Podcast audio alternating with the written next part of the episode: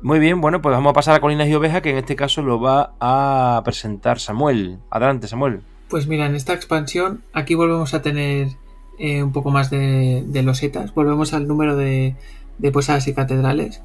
Eh, como veis, más o menos, el número de losetas que hemos ido viendo hasta ahora fluctúan entre eso, entre 12, 18, 24.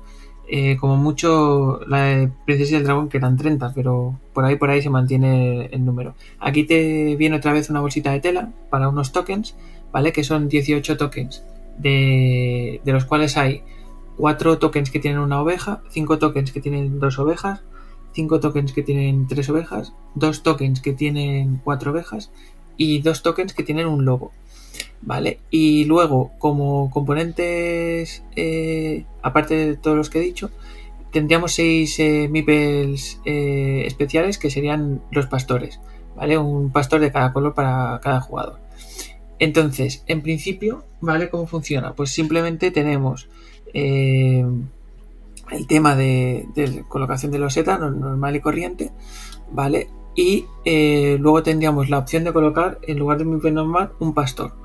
¿Vale? Entonces, en el, en, en, evidentemente, el pastor solo se puede colocar en la zona de campo, ¿vale? No se puede colocar en ninguna otra zona de, de las losetas, ni en ciudades, ni en caminos, ni monasterios. Entonces, en nuestro turno, si nos decidimos en colocar un, un pastor de, de, nuestra reserva, eh, pues lo colocamos en la zona verde de la loseta que acabamos de colocar y a continuación en el mismo turno podemos coger y robar eh, de la bolsa sin mirar un token de los que hay.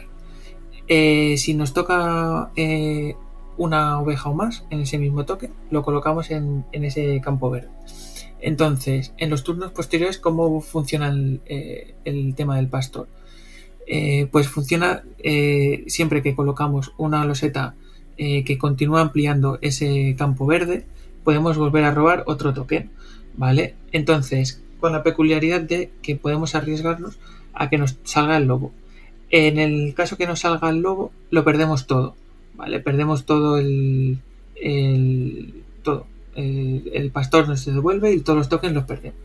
Entonces, eh, ¿cuándo puntuaríamos, digamos, eh, ese prado con, con, esas ovejas?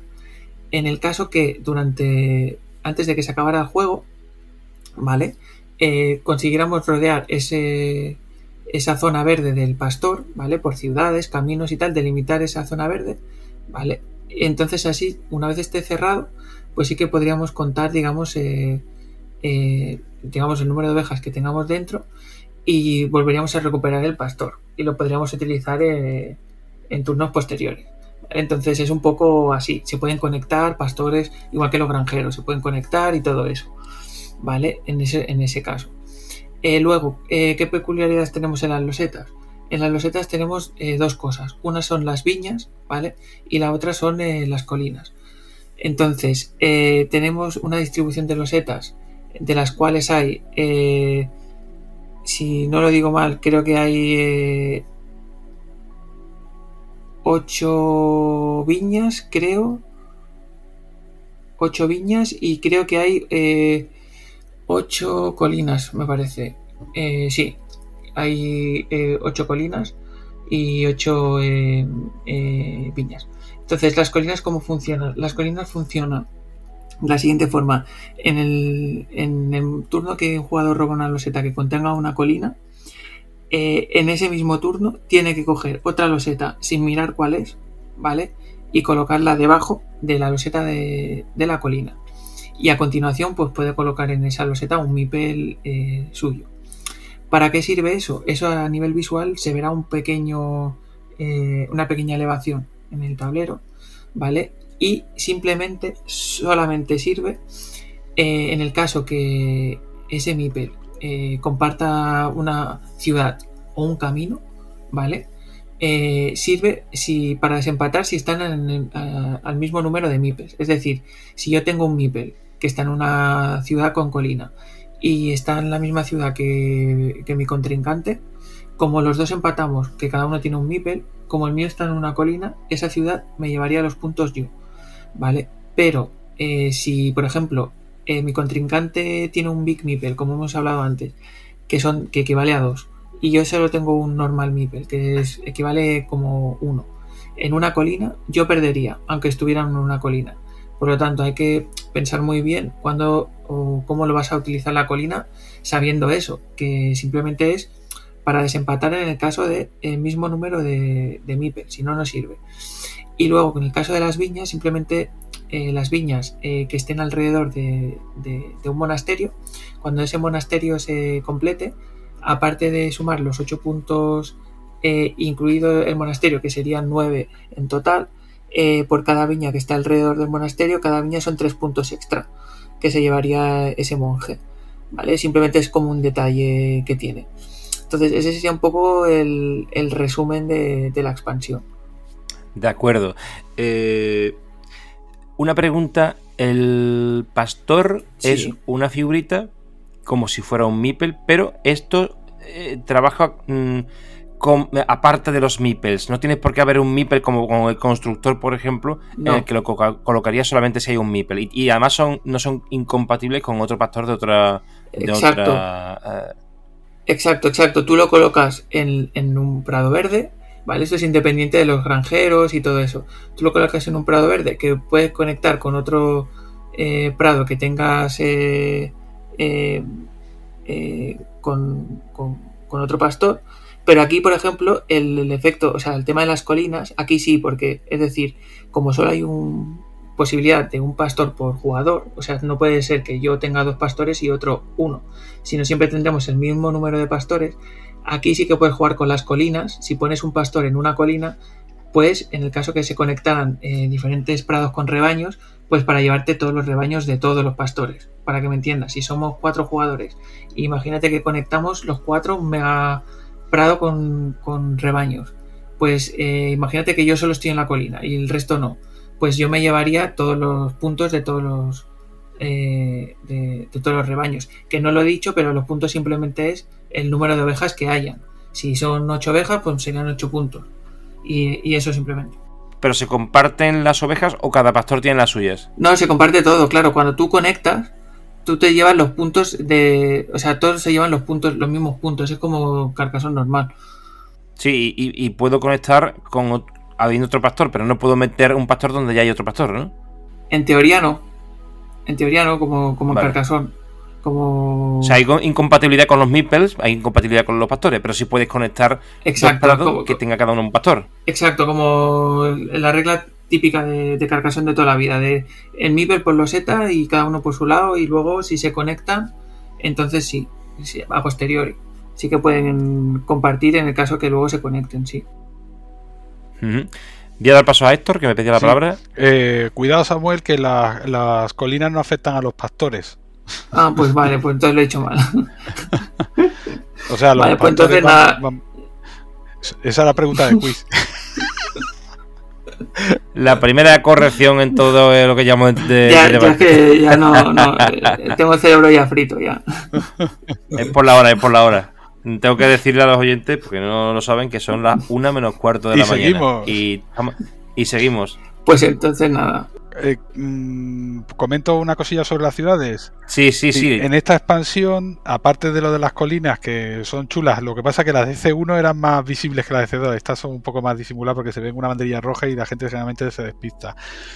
Eh, entonces, eh, en esta expansión ah, introdujeron unos nuevos diseños de ciudades, ¿vale? Que son como, imagínate, mazacotes, pero que la parte de abajo del de la, de la, parte de campo llega hasta la mitad del borde del otro lado. O sea que realmente hay dos ciudades triangulares que se tocan en un punto y son independientes. ¿Vale? Y existe la versión de, eh, de mazacote de este como convertido el campo que llega hasta el punto central del lado opuesto, ¿vale? De ciudades y el inverso, el, el que es una, dos, o sea, una gorro triangular que llega hasta la mitad del otro lado, que es una ciudad, y tiene dos campos separados que son triangulares. Y estas losetas son súper interesantes para colarse en campos y en ciudades de ahí de, de Costaillo. Claro, claro. Y luego, pues nada, tiene ahí lo de las colinas, que te afecta a la ciudad de los campos y a los caminos. Y, eso, y bueno, y tienes dos ciudades que son dos tapas, pero que se tocan. Y esas justamente, por ejemplo, tienen, son especiales, no se pueden usar para castillos.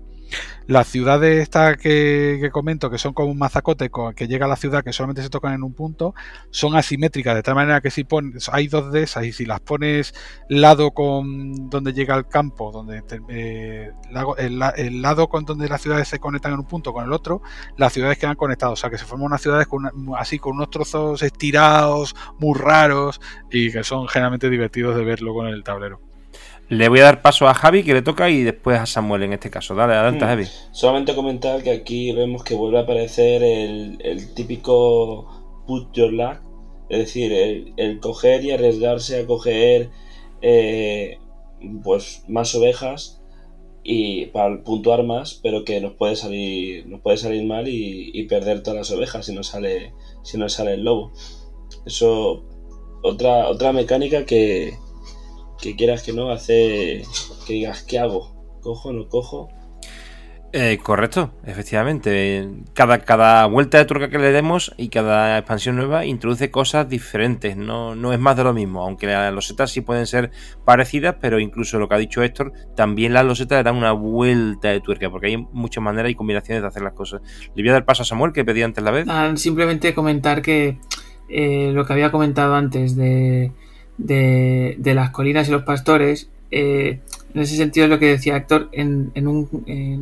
En, un eh, no sé lo que digo en un granjero vale o sea los granjeros en este caso sí es decir eh, si tú tienes un granjero lo puedes poner en una colina y, y, en el caso que se compartiera con otros en el mismo número de meeples tú te llevarías esa granja ¿vale? No, no, los pastores, pero sí en, el caso de los granjeros.